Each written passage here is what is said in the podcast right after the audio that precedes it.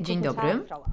Tu dziś z nami pani Ann-Kathrin Hoppe, burmistrz miasta Szwed. A Szwed to dzisiaj coś w rodzaju słowa klucz, może hasła, jeśli chodzi o niemieckie rafinerie i związane z tym problemy, bo rafineria w Szwed, która zatrudnia ponad tysiąc pracowników, otrzymuje obecnie jeszcze ropę z Rosji poprzez ropociąg Przyjaźń. Istnieje jednak duże prawdopodobieństwo, że to się wkrótce zmieni. W tym momencie, jak Niemcy dołączyłyby do embarga na ropę, wykluczającego rosyjską ropę. Więc Pani Hoppe, czego w rezultacie obawia się Pani dla swojego miasta? Bo ja dowiedziałam się z niemieckich mediów, że Szwed to dziś bardzo takie zatroskane, zmartwione miasto, martwiące się bardzo o swoją przyszłość. Chodzi tu głównie o przyszłość tej rafinerii. Ona jest największym pracodawcą w tym miasteczku. Tak, to prawda. Ta rafineria jest naszym ekonomicznym sercem miasta. Bezpośrednio oznacza to 1200 miejsc pracy, ale także wiele pośrednich miejsc pracy w innych przedsiębiorstwach. Przemysł rafineryjny to także wiele kolejnych miejsc pracy, które są ściśle związane z rafinerią. No i nadal będą związane. Jeśli rafineria naprawdę przestanie działać, załamie się to nasze serce gospodarcze, naszego regionu. Będzie to miało również konsekwencje dla regionów tu obok, dla nas wszystkich, ponieważ wielu pracowników nie pochodzi z naszego miasta Szwed, ale dojeżdża tu z całego regionu. Ma to również konsekwencje dla naszych odbiorców, ponieważ produkty te są przecież niezbędne. Chodzi o benzynę, chodzi o naftę, olej napędowy, nawet paliwa do samolotów. To jest wiele produktów koniecznych, niezbędnych wręcz. Nie tylko dla Szwed, ale dla całego regionu. Ostatnio toczą się rozmowy na ten temat, jak zamiast rosyjskiej ropy dostarczana będzie ropa z alternatywnych kierunków, z innych krajów. Tu mówi się o dostawach, które dotrą poprzez naftoport w Gdańsku. Jeśli więc rosyjska ropa będzie zastąpiona inną ropą, życie toczyłoby się przecież jak zawsze, jak zwykle. Dla miasta wszystko by zostało bez zmian. Zgadza się. Tu wszyscy walczą w Szwed przede wszystkim o miejsca pracy, bez względu na to, skąd ta ropa tu dotrze. Jeśli będzie to technicznie możliwe, będzie pasowało tu do rafinerii i będą to wystarczające ilości, to kierunek jest tu dla nas w Szwed drugorzędny. Ważne jest, aby te możliwości dostaw, czy to sportu w Rostok, oczywiście może sportu w Gdańsku, aby one były realne, aby rafineria mogła kontynuować pracę i utrzymać te miejsca pracy tu na miejscu. Teraz chciałabym z Panią porozmawiać o przyszłości tego miasta. I tu o decyzji w sprawie kierunku, kierunku przemysłu kopalnego. No bo przecież ta rafineria tu to przemysł kopalny. Wiele miast, które były niegdyś tak bardzo związane z przemysłem, mam na myśli raczej miasta w Niemczech Zachodnich, postawiły na transformację energetyczną. Inwestują w energię przyjazną dla klimatu, inwestują w zieloną energię. A Szwed inaczej, po prostu pozostaje bardzo zależny od paliw kopalnych. Jak pani to ocenia? Czy to był błąd? Von den fossilen Energien. Wie bewerten Sie das? War das ein Fehler? Nie, to nie jest całkowicie słuszne. Nie, w Szwed nie wykorzystuje się tylko paliw kopalnych. Nie chodzi tylko o materiały kopalne, bo tu na terenie rafinerii znajduje się przecież ważna biorafineria. Również na tym samym terenie przemysłowym. Tu produkujemy bioetanol, a także biodiesel. Te produkty są dodawane do reszty produkcji, one są jej częścią, w odpowiednich ilościach oczywiście. Zaczynaliśmy to wszystko tak 10 do 15 lat temu. Jest to dzisiaj ważna podpora. Następnie jakieś 3 lata temu zajmowaliśmy się kolejny raz tym tematem. Co będzie właściwie po ropie? Jakie są w Szwecji możliwości produkcji paliw alternatywnych?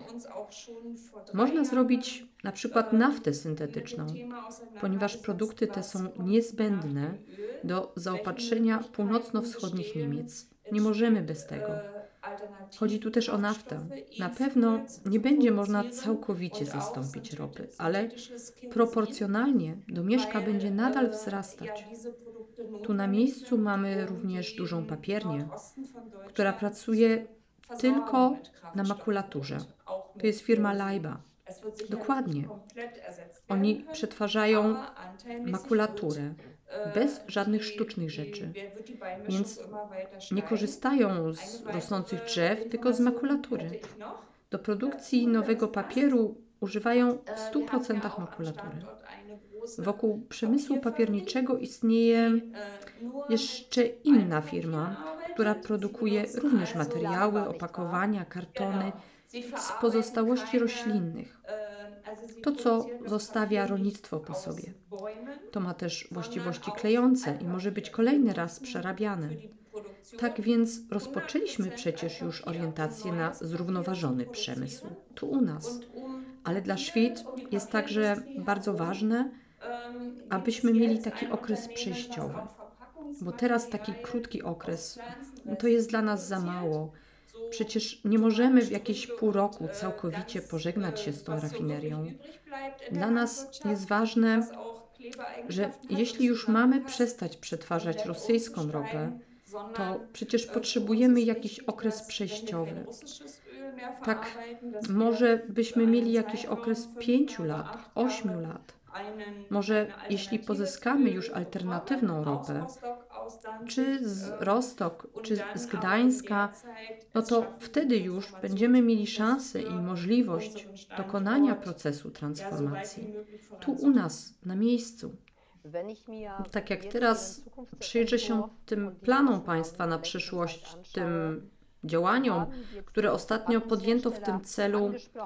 Więc Pani zwróciła już uwagę na tego producenta opakowań, na biorafinerię.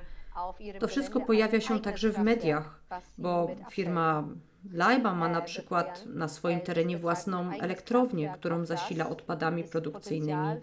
Tak, prowadzi własną elektrownię. To także pokazuje, jaki potencjał jest tu dla zielonych energii, dla rozwoju ekologicznego.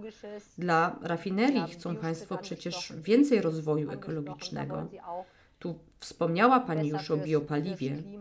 Państwo chcą więc lepiej zadbać o klimat, rozumiem. Tu od razu nasuwa się reaktywacja transportu śródziemnego na Odrze. To przecież logiczna i perspektywiczna szansa.